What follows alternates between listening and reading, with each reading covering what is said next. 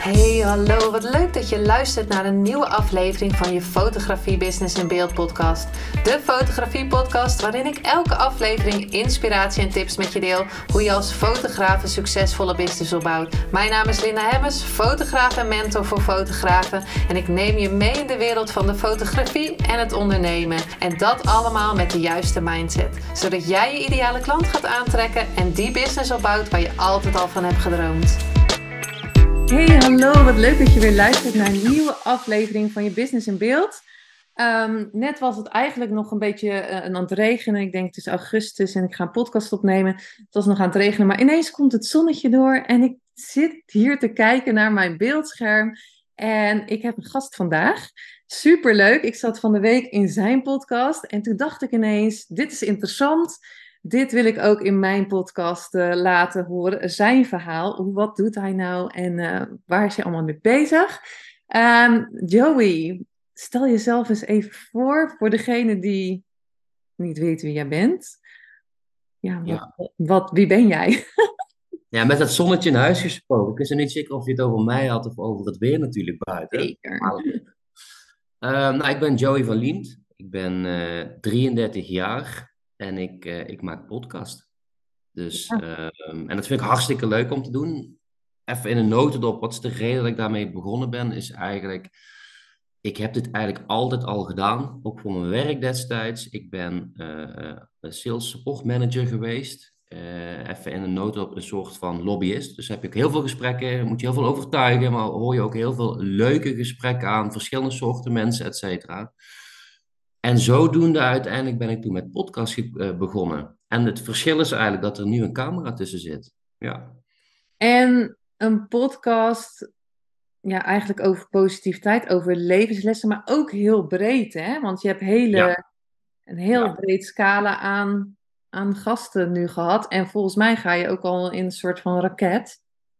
Ja, ja het is in een korte tijd is het wel heel erg snel gegaan, moet ik zeggen. Um, maar wel heel breed. En waarom? Ik ben eigenlijk over elk onderwerp ben ik altijd heel intrinsiek gemotiveerd. Of dat inderdaad is het leuke fotografie, waar we het laatste leuk over gehad hebben. Of bijvoorbeeld iemand die ik in mijn podcast heb gehad over Jordans die die kocht, uh, uh, noem maar op. Of een CEO van VDL, et cetera.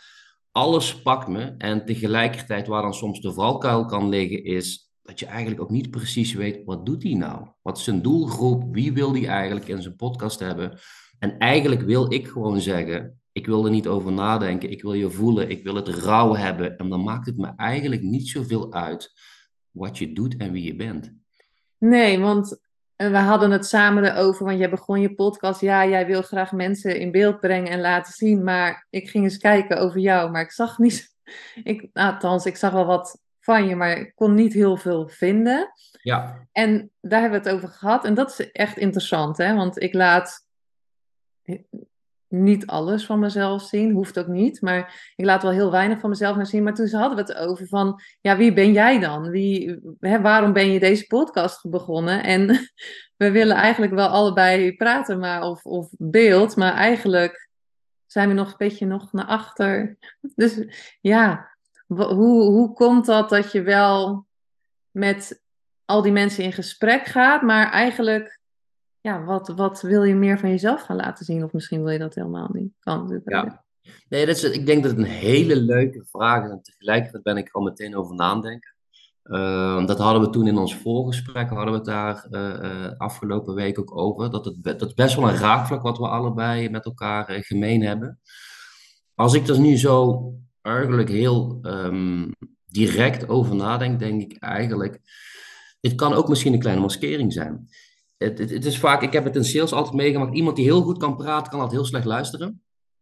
Ik merk eigenlijk dat ik ook wel heel goed kan luisteren, maar bij mij is het natuurlijk het stuk, als ik een andere metaforische vergelijking maak, is dat ik, ik vind het heel leuk om honderd vragen te stellen, maar ik heb nooit eigenlijk de behoefte, en misschien vind ik het ook moeilijk, als ik een vraag terugkrijg, -hmm wat voor antwoord ik moet geven. Terwijl het antwoord natuurlijk gewoon in het gevoel en in het hart en in het hoofd uh, in combinatie mag zitten. Maar dat ik dat best wel lastig vind. Ja, want ik dacht gelijk, interessant verhaal hier zo. Want ja. ja, jij had een, een goede baan en, en, en ineens stopte je, of ineens, hè, je, je hebt daar die opgezegd.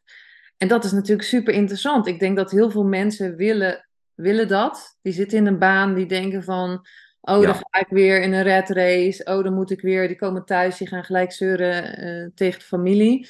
Nou, eigenlijk kijkt niemand van, hey, of niemand, dat kijken heel veel mensen niet van, hey, wat ben ik nou eigenlijk aan het doen? En, en wat was dan bij jou het kantelpunt dat je dacht van, dit moet stoppen, hier, ga, hier moet ik iets mee doen? Ja, nou, ik moet zeggen, ik, ik had dat eigenlijk, dat kantelpunt, dat zat eigenlijk, dat zweefde al door mijn hoofd heen. Um, ik merkte ook dat, dat dat gevoel er was van, de baan is hartstikke leuk, maar het is niet per se uh, hetgeen wat bij me past. Even concreet, ik, ik werkte dus bij DAF, um, internationaal. En ik deed daarnaast ook nog studies. Dus de ene studie was op de TU, de andere studie was op Nijrode en in, in, bij Amsterdam.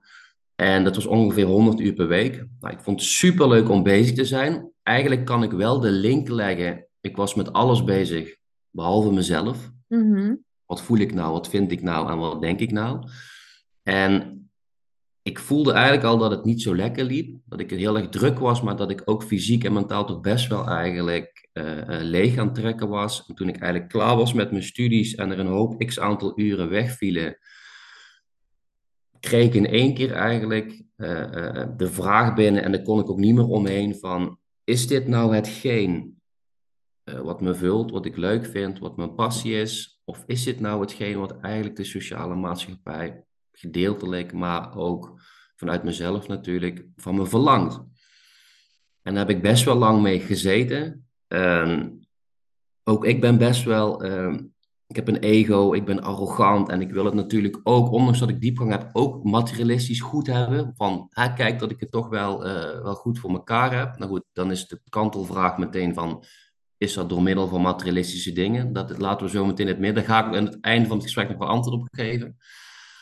Maar dat bleef dus door mijn hoofd eigenlijk gaan. En een mooi concreet voorbeeld is, en dat vind ik best wel erg, nu kan ik het heel makkelijk vertellen, maar als ik daar nog middenin zat, dacht ik eigenlijk, oh wat erg op het moment voordat ik de beslissing nam om een sabbatical te nemen, was ik bij de Range Rover dealer. En ik voelde me niet goed, mentaal en fysiek gezien eigenlijk. Maar ik had hem toch besteld. En het eigenlijk wat ik dacht, het eerste was, maar goed, als ik dan eh, problemen krijg, mentaal gezien, of een burn-out, als we het even een, een, een, een naam moeten geven. Als dat dan maar wel in mijn Range Rover is. Als dat dan maar wel midden in mijn Range Rover is, dat iedereen het kan zien dat ik het goed heb, et cetera. En die gedachtgang, ben ik, daar ben ik zo blij mee dat dat eigenlijk heel erg uh, geshift is. En ik heb het gelukkig, een week later heb ik hem geannuleerd. En ben ik, in eerste instantie ben ik uh, op vakantie gegaan. Heb ik tegen mijn werkgever gezegd, die hadden me een promotie aangeboden van... Ik moet er even tussenuit, want ik moet even alles op een rijtje krijgen. En er was heel veel onbegrip omdat je natuurlijk, je hebt je studies klaar, er staat een promotie klaar en, en, dan mag je heel veel mooie dingen gaan doen. Maar iets voelde niet goed. En toen ben ik bij mijn vriendin destijds ben ik naar uh, Mexico gevlogen. Voor de eerste keer vakantie sinds jaren. Mhm. En ik kreeg daar, uh, ik weet niet wat me overkwam, ik kreeg heel veel last van paniekaanvallen. Oh, echt? Ja, en iemand die best controle gestuurd is. Nou goed, of dat je dat nou wel bent of niet bent, paniekaanvallen zijn sowieso echt gewoon kloten. Maar ik wist niet wat me overkwam. Ik kwam mijn uh, resort op en ik had mijn koffers had ik neergezet en ik keek mijn vriendin aan en ik zei tegen haar, en dan wel even met een kanttekening, ik kom van 100 uur in de week, dus ik werd volledig geleefd van 7 uur s morgens tot bewijs van uh, 7 uur s avonds. En dan kwam ik daar in volle vrijheid kwam ik aan op mijn resort en ik leg mijn koffers neer. En ik keek mijn vriendin aan en ik zeg, ik heb geen flauw idee wat ik hier doe. Ik wil naar huis. En dan zit je aan de andere kant van de wereld.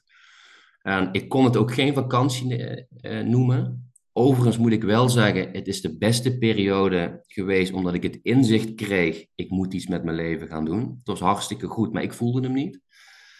Dus het is echt een hel van paniekaanvallen geweest. En toen ik terugkwam, bleven de paniekaanvallen komen. Hmm. Dus ik, ik, ik, kon niet helemaal eerlijk zijn naar uh, mijn werkgever toen ik terugkwam, omdat ik dacht, nou goed, ik wil ook niet mijn ruit ingooien. Ik wil het dan onder het jasje scharen dat ik ga reizen en dat ik competentietraining ga doen, et cetera, et cetera. Maar ik zat gewoon in volle paniek. Ik heb mijn sabbatical genomen, ik heb ontslag genomen. En ik heb de eerste maanden, denk ik, alleen maar binnenshuis op de bank gezeten. Want alleen al naar de supermarkt gaan was voor mij alsof ik de Mount Everest moest beklimmen. Ik, had, ik zat in complete angst. Alles moest eruit. Ja. Maar, en, en die 100 uur, hè, want dat we over jezelf laten zien, want dan kijk je ook niet naar jezelf, hè? Want die, die 100 uur, had je dat daarvoor ook al als kind? Dat je heel veel, heel druk was, maar eigenlijk niet naar jezelf keek of mocht kijken? Wat in... ja, ja, ja, ik denk het wel. Als ik nu met terugwerkende kracht eigenlijk kijk, denk ik het wel. Ik vind het, al, ik, heb, ik vind het leuk om heel veel vragen te stellen, maar nogmaals, ik vind het heel lastig om antwoord te geven. Is dat een maskering, weet ik niet. Of is dat een intrinsieke uh, motivatie naar de ander? Ik vind het denk ik heel lastig. Ik, ik ben heel rationeel opgevoed. Dus eigenlijk met een planning, georganiseerd, gestructureerd, et cetera. Maar ik kom er eigenlijk achter dat ik heel erg een gevoelsmens ben en dat ik eigenlijk helemaal niet gestructureerd ben. Ik ben helemaal niet georganiseerd. Ik doe denk ik bijna alles uh, op gevoel en dat vind ik nog steeds super moeilijk. En dan om antwoord te geven op je vraag, als je dan rationeel bent opgevoed en je komt er eigenlijk later pas achter dat je echt een gevoelsmens bent, dan is het best wel lastig om naar je gevoel te luisteren, omdat je dat nooit gedaan hebt. Dus dan moet je echt gaan zijn met de situatie of, of, of, of met jezelf. En dat is ook weer heel dubbelzinnig, want ik kan heel goed alleen zijn. Maar kun je ook echt alleen zijn om jezelf te leren begrijpen? Nou goed, dat was, voor mij was dat best een uitdaging. En wat mij daar heel erg bij geholpen heeft, moet ik zeggen, toen ik mijn sabbatical heb genomen, heb ik, um, misschien is dat ook een stukje perfectionisme, wilde ik alles gaan aanpakken op het gebied van uh, spiritualiteit. En concreet gezien, wat dat voor mij betekende, ik had um, iemand in Friesland leren kennen. Die heeft voor mij op zolder heeft hij een uh, open piramide laten bouwen volgens de grades van Egypte. En het moest allemaal met bepaalde materialen zijn, et cetera.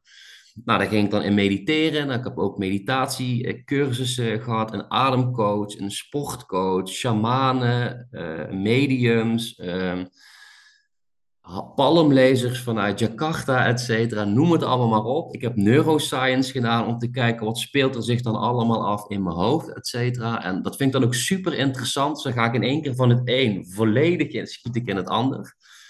En dat heeft mij wel als, als tool heel erg veel inzichten gegeven om ja, wel te kijken wat zijn mijn emoties en gevoelens nou en, en wie ben ik nou precies. En ik moet zeggen, dat is nog steeds een een dagelijkse dans om, daar, uh, uh, om dat te ontcijferen. Maar ik merk wel, als je bepaalde inzichten dan hebt gekregen, dat dat eigenlijk een, een, een, een um, ja, dat daar eigenlijk alles begint.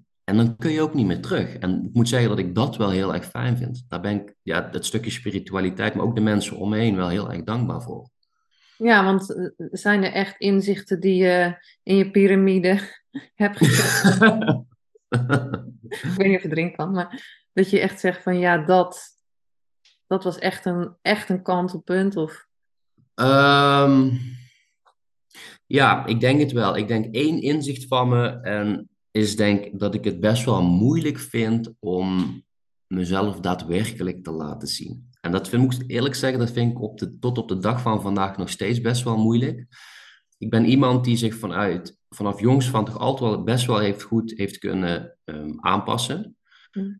Uh, echt een chameleon. Um, ook omdat dat misschien gewoon een, ik ben best wel een ui, dus ik heb best wel meerdere kanten. Ik vind ook heel veel dingen vind ik interessant. En, maar tegelijkertijd um, weet ik ook denk ik wel al van jongs af aan dat ik altijd wel een mening had of iets van iets vond wat niet altijd per se uh, de maatschappelijke norm was. Dus dan krijg je wel al vaak, doe maar even normaal, dan doe je al gek genoeg. En ik denk dat dat misschien wel de combinatie is dat je dan altijd hebt geprobeerd te leren om je heel erg goed aan te passen. En als je dat dan op een gegeven moment als kopingsmechanisme um, aanhoudt, dan word je daar ook gewoon hartstikke goed in. Aan de ene kant is het goed, want dan kun je met iedereen natuurlijk kun je dat gesprek aangaan, de openheid uh, ingaan. over openheid gesproken, want is het dan een schijnopenheid of een schijnkwetsbaarheid? Ik denk gedeeltelijk ja.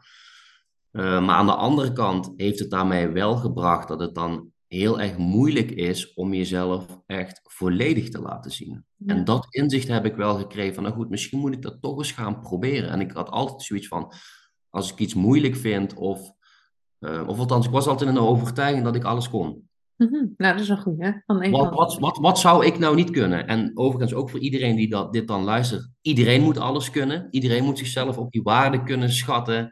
Um, wat overigens geen ego hoeft te zijn, maar dat is gewoon een goede indicatie vanuit jezelf.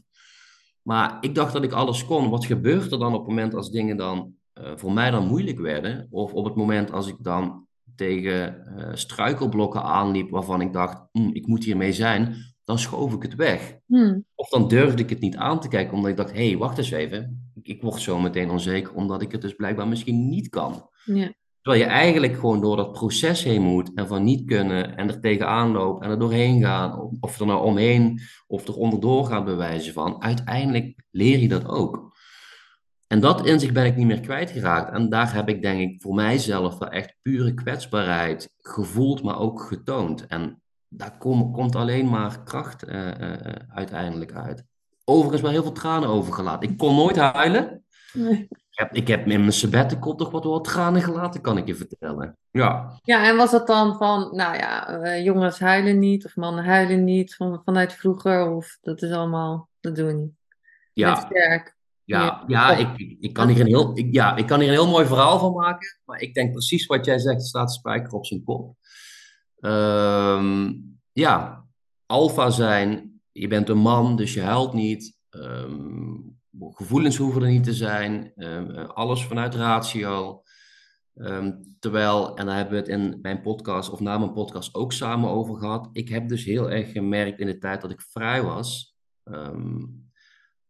Dat juist die kwetsbaarheid en die omarming van, en dan noem ik even de term, die feminine energie, die vrouwelijke energie, dat juist doordat ik dat omarmd heb en ik eigenlijk achterkom dat ik het heel erg veel heb, mm-hmm.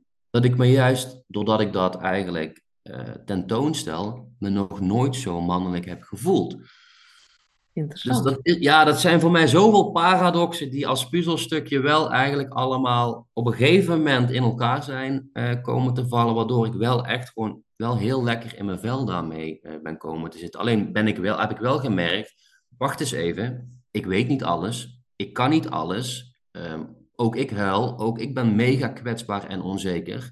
En dat is voor mij nou uh, het pad wat ik mag bewandelen. En doordat ik dat erken, ben ik daar eigenlijk best wel oké mee. En dat vind ik fijn. Ja. Nou, ik denk ook wel dat het mooi is dat je dat zegt en ook daarvoor uitkomt van hé, hey, ik wilde meer op dat gevoel zitten. En wat mijn ervaring was in jouw podcast, is dat ik het heel fijn vond doordat jij uh, die vragen stelde en echt op dat gevoel en die interesse ging zitten, kon, merkte ik eigenlijk, ik weet niet eens meer wat ik gezegd heb, maar dat ik wel nog meer mezelf kon laten zien. En dat vond ik echt wel fijn aan ons gesprek. En vandaag heb je dan een filmpje online gezet. En toen dacht ik, oh, dat is eigenlijk best wel briljant. nou, lief, ja. ja, maar ik denk, en, en want zijn er want ineens was jij helemaal uh, de andere kant op gegaan qua spiritualiteit. En uh, niet meer die werker die eigenlijk. Wat, wat dacht die omgeving? Die dacht, uh, wat? Ja. Wat, ja. wat are you doing? voordat ik daar antwoord geef, ik moet natuurlijk wel een kleine nuancering maken. Ik ben de andere kant op gegaan en ik heb een bepaalde kant van mezelf gezien, waarvan ik misschien wel wist dat die er zat, maar hem nooit laat, heb laten zien. Tegelijkertijd is die andere kant er natuurlijk ook nog steeds stukje materialisme, uh, luxe. Dat wil ik nog steeds, dus dat, dat ga ik niet zomaar verbloemen. Maar mijn omgeving, ja, ik, op het moment als jij. Um, um, ik, denk, ik geloof heel erg in dat iedereen een positie heeft in zijn omgeving, waardoor de ander zich ook um, in een bepaalde positie gezet of, of, of, bewust of onbewust uh, zit. Op het moment als ik dan een andere positie inneem of me anders ga opstellen of een andere kant laat zien, betekent dat eigenlijk dat iemand anders zich eigenlijk uh, gedrukt of onbedrukt ook opnieuw moet positioneren. Concreet was dus mijn omgeving zei eigenlijk, um, kort gezegd, jij bent gek geworden. Jij geeft een goede baan op. Ehm, ik heb mijn huis verkocht. Ehm, al mijn materialisme was weg. En eventjes voor de, voor, voor de norm, een stukje mijn omgeving dan. Kijk, als je het dan goed hebt, dan laat je dat ook zien. Dus op het moment als je het geen, niet, niets meer hebt wat je kunt laten zien, en dat is de maatstaf waarin je kunt laten zien dat het goed gaat, en dat valt weg, dan moet het dus slecht gaan. Mhm. Dus ik kreeg te horen, je bent gek geworden. En als ik nu terugkijk, denk ik, eh, eigenlijk heb je misschien wel gelijk. Ik ben denk ik ook wel gek geworden. En ik heb denk ik ook wel sprongen in het diepe gemaakt waar ik helemaal geen idee had waar ik insprong. En ik heb me mega slecht gevoeld. En ehm, nogmaals, heel veel gehuild, et cetera. Ik ben verloren geweest. Maar ik denk juist om, omdat op het moment als je ergens in zit wat niet per se bij je past, dan moet je eerst verloren geraakt worden om jezelf opnieuw weer eh, te kunnen vinden. En doordat mijn omgeving zo op me reageerde, ehm, had ik wel, en dat is ook heel erg dubbel, het gevoel dat ik op de goede weg zat. Want als ik nog steeds dezelfde feedback kreeg van op het moment dat ik in het leven zat, wat ik destijds dus leidde, was er geen verandering. Ehm, overigens moet ik wel zeggen, op het moment dat je tegen me zou zeggen, je bent gek geworden, reageerde ik niet zo relaxed en kalm zoals ik het nu zo kan vertellen. Dus ik dacht echt van shit, ik voel me al slecht. Ga je dus ook nog tegen me zeggen dat ik gek ben geworden? Dus ik, dat ging heel erg in mijn hoofd zitten en dat ik dacht van, heb ik dan wel de goede keuze gemaakt? En je laat dat, dat uh, reptiele brein laat je helemaal de loop gaan. Dus wil je eigenlijk het stiekem weer die comfort opzoeken. Ja. Maar dat heb ik niet gedaan. Daar ben ik doorheen gegaan. En ik moet eerlijk zeggen, ondanks dat het feit dat ik dat leven niet meer heb, en dan neem ik even de maatstap materialisme, stabiliteit, et cetera, ehm, heb ik me nog nooit zo goed gevoeld. Lekker. Ja, en Maar, dat eh, dus als jij had blijven doen wat je altijd deed, was je uiteindelijk misschien ook wel gek. Ja, nou dat kun jij wel. Ja, dat is echt zo. Nee, dan had ik denk ik wel echt wellicht in een, in een diepe burn-out gezeten. Kijk, en ik heb nu natuurlijk ook wel heel veel last van paniekaanvallen gehad. Of dat dan in een term van een burn-out of een overspannenheid of wat dan ook is. Ik geloof niet per se in die termen. Maar ik denk op het moment als ik niet, en ik heb niet naar mijn lichaam geluisterd, eigenlijk ook niet naar mijn hoofd geluisterd. Uiteindelijk ben ik gedwongen omdat ik die angst had. Ik denk als ik toch door was gegaan, ja, dan was het einde zoek geweest. Ik denk uiteindelijk geeft het lichaam je lichaam het aan. En ik was heel hardleers. Ik luisterde echt niet naar alles wat mijn lichaam mij vertelt. En nog steeds soms niet hoor. Nee, Maar ja, ja dan, had, had je, dan werd je stopgezet. Linksom of rechtsom. Dus dan was het sowieso, eh, en ik geloof dat heel veel dingen geschreven staan. Dan was het linksom of rechtsom toch eigenlijk eh, wel op een later tijdstip. Maar dan was ik toch wel op dat pad terechtgekomen waar ik nu op zit. Ja, Ja. Ja, mooi. Ja, want we krijgen natuurlijk allemaal signalen en ik ook hoor. Ik denk dan ook, ja, oh, oké, wat, waar moet ik naar luisteren? Maar uiteindelijk ging jij, eh, nou ja, al die dingen doen, shamanen en eh, ademhalingen. ja, ja, ja. En toen bedacht je een podcast. Want hoe, hoe is die podcast dan ontstaan? Want je bent nog niet zo heel lang bezig volgens mij. Nee, ik ben denk nou ongeveer een kleine zes maanden ben ik bezig. En je gaat als een raket. ja. Nou, ik, ik, ik moet zeggen, ik dacht altijd dat ik heel open en kwetsbaar was. Ehm, tot het feit dat ik daar ook daadwerkelijk mee begon en daar een, een heel ander tegenlicht eh, voor kreeg. Ik vond het heel erg moeilijk in de tijd dat ik in mijn sabbatical zat om me echt te uiten. Dus ik kon wel heel goed praten, maar dan was het echt vanuit mijn hoofd en niet vanuit mijn hart. En toen op een gegeven moment ben ik, eh, ben ik erachter gekomen dat ik schrijven heel erg leuk vond. En dan voornamelijk in de vorm van poëzie of quotes of, of kleine eh, motiverende teksten. En ik ben wel relatief provocerend, vind ik sowieso leuk, maar ook leuk om de status quo, denk ik, ehm, te belichten, maar ook een beetje te torsen. En dus ik ben begonnen op LinkedIn. En daar kreeg ik een hoop reacties op. Niet per se de reacties die ik gewend was of, of gehoopt had, want daar zat natuurlijk ook mijn hele zakelijke eh, netwerk zat daarop. Nou goed, dus die zeiden op een gegeven moment ook nog, eh, jij bent echt gek geworden. Uh, tot het feit dat ik soms reacties kreeg van we willen eigenlijk niks meer met je te maken hebben. Um, dus toen heb ik op LinkedIn ben ik begonnen met teksten, et cetera. En op een gegeven moment werd dat relatief stabiel. De likes waren niet veel. En nu hoef je het niet voor de likes maar je wil natuurlijk wel, en daar hebben we het ook samen over gehad. Als je je stem wil laten horen, heb je natuurlijk wel een bepaald platform nodig. Dus toen ben ik op een gegeven moment overgegaan naar LinkedIn of naar uh, Instagram. Stuk informeler. Uh, daar wordt ook niet zozeer gekeken. Op LinkedIn is het meer wat je doet. En uh, op uh, Instagram is het meer wie is het, die, hetgeen die, die, die het allemaal doet. De persoon achter wat je eigenlijk doet. Ook spiritualiteit en al die facetten die erbij komen kijken. En zodoende heb ik wel honderden teksten geschreven. En toen heeft iemand me eigenlijk opgepikt om te zeggen: Ik wil jou een keer mijn podcast hebben. En dat was in Antwerpen. En ik ben in zijn podcast geweest. Voor de eerste keer. Ik heb heel erg getwijfeld, omdat dat nog wel de periode was. Um, paniekaanvallen resulteerden bij mij heel erg dat ik niet heel erg ver de deur uit kon. Mm. En, maar dit was in één keer in Antwerpen. Ja, dat was voor mij alsof je echt naar de andere kant van de wereld zou rijden. Dat vond ik echt heel erg pittig en moeilijk. En toen dacht ik van, ik heb nog nooit een podcast gedaan, maar ik heb wel het gevoel dat ik dit echt moet gaan doen. Het past ook wel bij me, denk ik. En ik ben daar naartoe gereden en we hebben een super fijn gesprek gehad. Leuke podcast. En ik denk dat de dag daarna mijn uh, eh, DM helemaal vol zat. Echt? En toen dacht ik van, nou weet je, ik heb dit dus altijd al zonder camera voor mijn werk gedaan. En dan vind je het leuk, terwijl het onderwerp niet hetgeen is wat je eigenlijk past. Waarom zou ik dit dan niet doen binnen een onderwerp wat ik en nog leuk vind? En nog met een camera ervoor. En dan niet als concurrent, maar meer eigenlijk rauw, laagdrempelig, geen poespas. Wie ben jij, wie ben ik? En laten we gewoon flowen samen. Het is natuurlijk heel moeilijk om dan iemand in je podcast te krijgen. Wat doe jij nou precies? Ja, ik doe dingen op gevoel. Ja, wat is dat dan?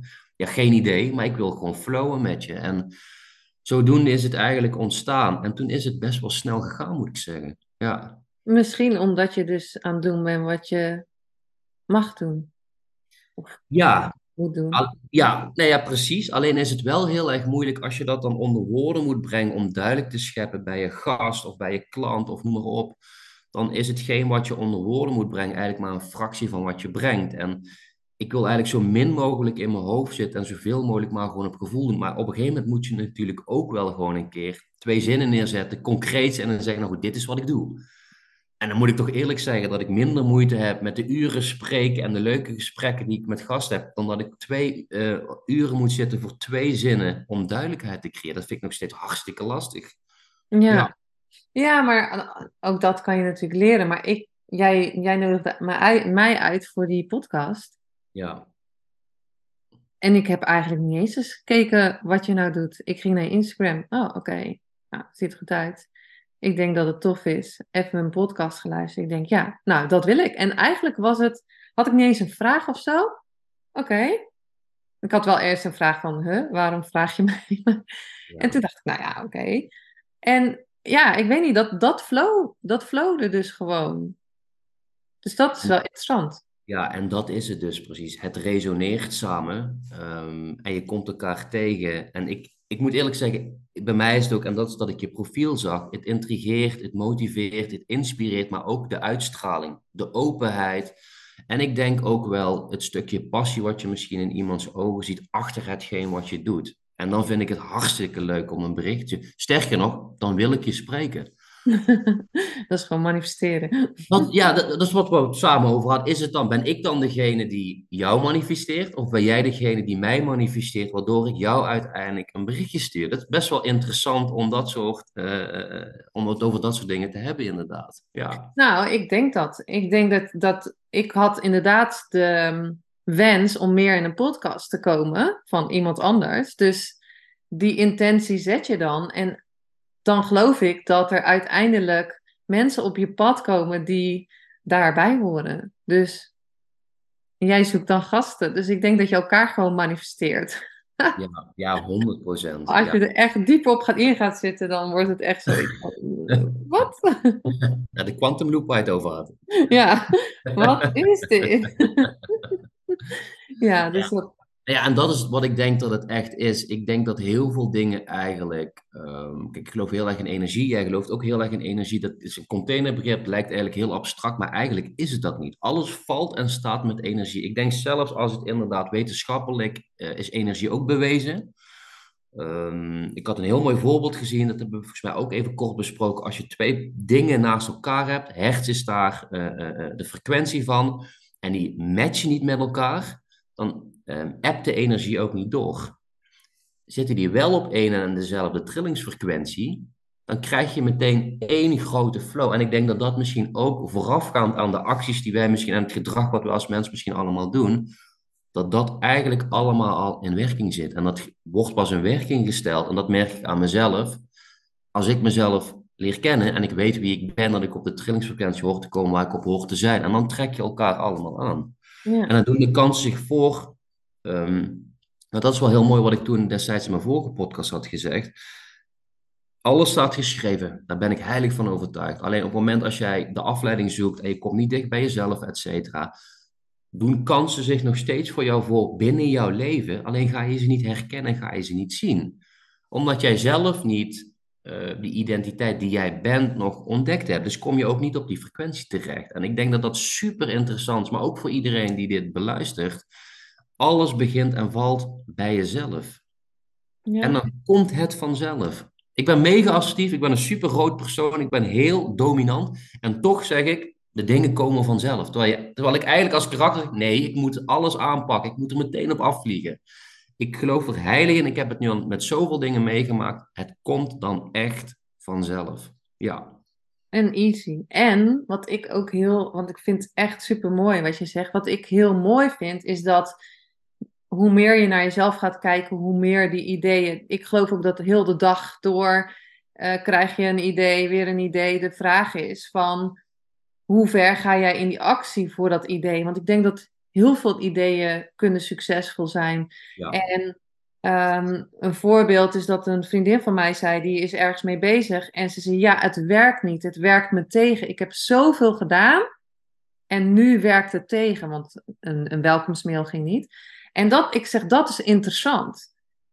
Waarom denk jij dat je tegengewerkt wordt? Werkt het je tegen of helpt het je ergens bij? Ja. En als je denkt, het werkt me tegen, ga je dan stoppen of ga je door? Nou, dat is het precies. En ik denk vooral, kijk, je kunt denken dat het je tegenwerkt bijvoorbeeld, want het is natuurlijk jouw referentiekader. Maar is het niet misschien een les of een spiegel of iets waar je juist doorheen moet? Net die kleine drempel waar eigenlijk alles achter zit, wat wel voor je gaat werken en wat je wel gaat dienen. Ik, ik geloof vooral in het tweede. Uh, ik moet zeggen, als ik naar mezelf kijk, ik denk ook de hele dag door dat alles me tegen kan werken. En dan ga ik weer even met mezelf zitten en met mezelf zijn. Of dan, dan, dan sta ik even uit het raam bewijzen van. Dan laat ik het bezinken en dan denk nee, dit is gewoon mijn uh, onzekerheid. En dit zijn mijn uh, overtuigingen. En dit is gewoon het oncomfortabele stuk wat, nog niet, wat, me nog, wat ik me nog niet eigen heb gemaakt. Als ik nou gewoon door blijf gaan, al is het op een schildpaddenniveau bewijzen van, dan komt het uiteindelijk echt wel. Ik blijf gewoon 100% energie leven en dan komt het. Het is ook het plaatje wat je in je hoofd natuurlijk ziet eigenlijk, wat je uiteindelijk, of dat dan manifesteren is, of, of, of wat dan ook. Als jij gewoon door blijft gaan en je gelooft daarin, dan komt het 100% vanzelf. Ja. Nou ja, dat is wat je, wat je bij succes succesvolle mensen hoort, is dat ze doorgaan. Dat ze doorgaan als er nul mensen zijn, of dat ze doorgaan als er tegenslag is. En ja, ja ik denk dat dat wel uh, mooi is om, om te doen. Die podcast, hè? Wat, wat, wat wil jij verder met die podcast gaan doen? Wat, wat, hoe zie je daar de toekomst in? Um, ja, dit is even geen ondernemersantwoord. Ik ben hiernaast ook nog met een ander bedrijf bezig. Daar kan ik in de toekomst wel meer over zeggen. Dat is dan wel um, echt uh, ook op financieel uh, oogpunt. De podcast aan zich, daar ben ik mee gestart omdat ik het hartstikke leuk vond. Daar hangt ook nog steeds geen verdienmodel aan vast. Sterker nog, ik weet ook niet of ik daar überhaupt een verdienmodel aan vast wil hangen. Als ik het rationeel bekijk, zeg ik nee. Uh, en gevoelsmatig, als dat zo loopt, zeg ik zeker ja. Maar ik, ik, ja, ik zie de toekomst eigenlijk op dezelfde manier doorgaan als ik nu bezig ben. Alleen vind ik het natuurlijk wel leuker om. Kijk, nu doe ik het nog ook uh, thuis. Ik ben wel met een studio bezig, maar ik vind het hartstikke leuk om wel een studio te creëren waar wij samen als bubbel ingaan. En we gaan super mooie gesprekken hebben. En dan wil ik eigenlijk niet meer gebonden zijn aan een bepaalde tijd, aan een dag of wat dan ook. Ik wil met jou die bubbel instappen en we gaan kijken wat daaruit komt. En of dat nou een uur is, of twee uur, of een halve dag, of wat dan ook. Dat maakt mij niet uit. Ik wil graag flowen en ik wil dat. Uh, als ik bij wijze van iets gek zeg, waarvan jij het idee krijgt, dit inspireert mij zo erg, waardoor ik weer het idee krijg, maar dan moeten we dit misschien ermee gaan doen, bij wijze van. Nou, dat zou ik heerlijk vinden. Dus wel podcast, maar ik, ik zou het wel in de toekomst veel breder willen gaan trekken, ja. Interessant. ja, ik zie dat dan gelijk voor me inderdaad. Misschien in die piramide, dat kan natuurlijk ook. Nou, wellicht in de piramide. Of op andere locaties bewijzen van. Nou, ik vond het heel erg leuk. Ik, en dat inspireert mij ook steeds meer, is dat er wel eens programma's zijn, ik weet niet of ze nog op tv zijn, dat je bijvoorbeeld 24 uur met elkaar in een huis zit en je mag eigenlijk niet naar buiten. En je moet je eigenlijk ook niet te veel voornemen en geen gewenste uh, antwoorden geven of theorieën, maar gewoon zijn. Wat doe jij nou precies? Ik doe met je mee. Of wat doe jij nou precies? En dat je dan onder het mom van uh, je gaat samen koken of je gaat juist kletsen of wat dan ook, dat er van alles ontstaat. Dat je in één keer van een uur podcast zegt, we gaan een 24 uur podcast maken, binnenshuis. Je mag niet van elkaar verwijderd zijn. En kijk maar eens wat er ontstaat. Mag ook irritatie en discussie zijn, waar je door misschien een veel breder referentiekader krijgt. Ja. Uh, ja, ik zie het voor me. Dus wellicht in de toekomst, uh, ja, ik heb wel een hele hoop ideeën nog ermee. Ja. En zijn er nog mensen die je graag zou willen interviewen? Ik, ik vind van jou dat je wel. Uh, volgens mij gaat het heel makkelijk. Um, ja, en dan nogmaals, ik denk dat dit echt met uh, resoneren heeft te maken. Op dezelfde frequentie zitten. elkaar manifesteren, wat je zo mooi zegt. Um, ja, er zijn denk ik nog wel een aantal mensen die ik heel graag in mijn podcast zou willen hebben. Uh, en dan zonder inderdaad vergelijkingen te maken of iemand boven of onder elkaar te plaatsen. Eén iemand bijvoorbeeld is uh, Anne Nushin, zou ik nog wel heel graag in mijn podcast willen hebben. Waarom? Um, omdat ik denk dat zij vanuit haar cultuur, maar ook vanuit haar zijn en haar referentiekader een heel mooi verhaal te vertellen heeft. Ze heeft natuurlijk ook mega veel mooie dingen heeft ze laten zien. En ik, als mens intrigeert ze mij. Ja. Mooi. Dus ja. Wie weet. Wie weet. Weet na het zien van deze podcast uh, voel je aangesproken en je bent van harte welkom uh, in ieder geval. Nou, dat is super mooi. Is er nog iets wat jij mee wil geven aan mijn luisteraars van, ja, wat, hoe, kunnen ze zich, hoe kunnen ze zichzelf beter ontdekken? Wat uiteindelijk ja, ik denk, ik denk dat ik een heel simplistisch antwoord ga geven. Die ga ik wel nuanceren. Is um, durf de sprong te nemen. Um, hoe breed die ook is. Of dat zakelijk is, of dat particulier is, of dat privé is, wat dan ook. Durf de sprong te nemen. Um, je bent sowieso niet te oud. Mhm. Leeftijd is maar gewoon een getalsnummer. Maar durf de sprong te nemen Um, misschien verdrink je eventjes, maar uiteindelijk zal, en ik ben ook relatief geloof ik in energie, maar ook gelovig, uiteindelijk zal je boven kunnen drijven en leer je zwemmen. Wat het dan ook is. En ik denk het mooie bruggetje naar wat die vriendin van je zei, van werkt het dan voor me, werkt het dan tegen me? Jazeker, het gaat eerst echt tegen je werken, denk ik. In wat voor vorm dan ook. Maar dat is nodig geweest om de lessen te leren en de spiegels voor te houden om in dat leven terecht te komen waar je naartoe wilt groeien en waar je ook wilt zijn. En dan gaat het je echt dienen. En dan denk ik dat je vanuit passie, oogpunt eigenlijk zo gelukkig bent dat je ook de ander kan inspireren, waardoor de ander ook die punten weer gaat aantikken en dat ook gaat doen. Dus je gaat, je bent een lichtje dan. En als lichtje ga je zo erg schijnen dat je ander als kettingreactie ook heel erg weer gaat motiveren. En dan ontstaat er collectiviteit, dan ontstaat er synergie. En ik denk dat dat precies het punt is wat we met z'n allen mogen doen. Maar ik ga je wel vertellen, het is niet makkelijk.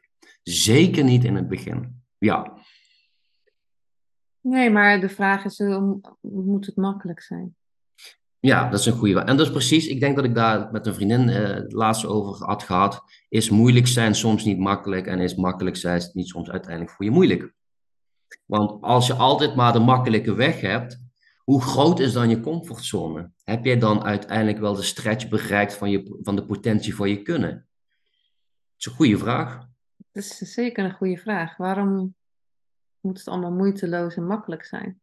Exact. En die comfortzone, want ik geloof dat als je deze persoon die nu doet wat ze doet, en die heeft die dromen en die wensen, dat is niet hetzelfde persoon. Die doet andere dingen. Ja, ja. En het blijft in je hoofd spoken. En als je er uiteindelijk niks mee doet. En ik denk dat het nooit te laat is. Maar als je dan denkt van, nou goed, nu, om wat voor reden ook in het leven waar ik in zit, ga ik het ook echt niet meer doen. Denk ik ook echt dat je daar ongelukkig van wordt. Ja. En ik denk ook niet dat als je dan op je sterfbed zou mogen liggen, en laten we hopen dat het pas over 100 jaar is, bij wijze van, ja, ja. dan wil je toch kunnen zeggen, ik, ik, ik, heb, ik heb dit gewoon gedaan. Ik, ik had alles, in wat voor zin dan ook, ik heb alles omgedraaid en ik ben echt gaan doen wat ik leuk vond. En ik weet zeker, zelfs als je nog op je sterfbed ligt, dat je dan uiteindelijk weer gaat gloeien. Ja, zeker. het mooiste en het lekkerste gevoel wat er is. Ja. Nou, Joey, ik kan echt nog uren met jou praten. Dus moeten we die 24 gelijk, ja. Misschien moeten we dat gaan doen. Ja, ja en um, ja, we kunnen heel veel onderwerpen aan uh, stippen. Maar ik denk, ja, ik, ik denk dat je hele mooie dingen sowieso al hebt gezegd in, in deze podcast. En ik vind het super leuk om te zien oh ja, om toch een beetje jou meer in het licht te zetten en uh, jou eens wat vragen te stellen daarover en hoe, hoe dat bij jou gaat. En um, ja, dank je wel daarvoor. Ja, nou, ik wil jou in ieder geval ook hartstikke bedanken dat je het podium ervoor uh, gegeven hebt, moet ik zeggen. Ik vond het hartstikke leuk. Ja, ik vond het ook uh, hartstikke leuk. En hartstikke leuk uh, dat je weer geluisterd hebt. En uh, tot de volgende aflevering. Doei doei. Doei doei. Superleuk en dankjewel dat je weer luisterde naar een aflevering van je Fotografie Business in Beeld podcast. Vond je deze aflevering interessant? Maak dan een screenshot, ga naar je Instagram, plaats het in je story of feed en vertel wat je van deze aflevering vond. Zo inspireer jij weer anderen en vergeet mij vooral niet te taggen, want ik vind het super leuk om te zien wie er luistert. En wil je mijn volgende afleveringen niet missen? Ga dan naar de podcast app waar je nu mee luistert en klik op volgen, subscribe of abonneer en je ontvangt automatisch een berichtje als er een nieuwe podcast aflevering online staat. En als aller allerlaatste zou je mij nog een plezier willen doen. Ik zou het namelijk super fijn vinden als je een review achter wil laten. Hoe meer reviews, hoe beter de podcast gevonden wordt en op deze manier kan ik fotografen bereiken en inspireren. Dit kan je doen door naar iTunes te gaan, zoek daar de Fotografie Business in Beeld podcast, klik op beoordelingen en recensies, het aantal sterren aan en laat een korte review achter. Super bedankt voor je review en nogmaals bedankt voor het luisteren en tot de volgende keer.